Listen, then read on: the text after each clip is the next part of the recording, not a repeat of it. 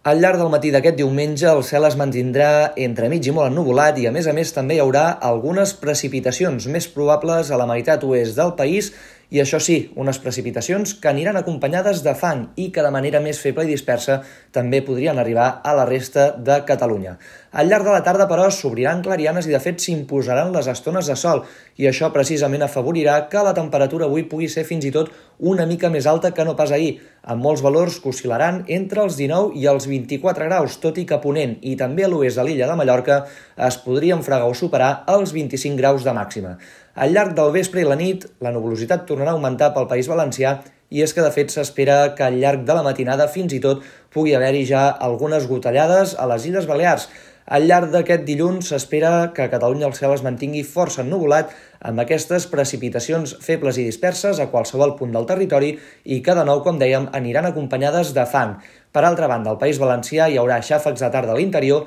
amb una temperatura que en conjunt tendirà a baixar, tot i que les Illes Balears es mantindrà sense massa canvis. Dimarts el temps es mantindrà encara insegur. De fet, matí hi haurà força estones a sol, tot i que ja hi haurà algunes precipitacions al Pirineu i al Prepirineu. Serà, però, a partir de migdia quan els ruixats guanyaran extensió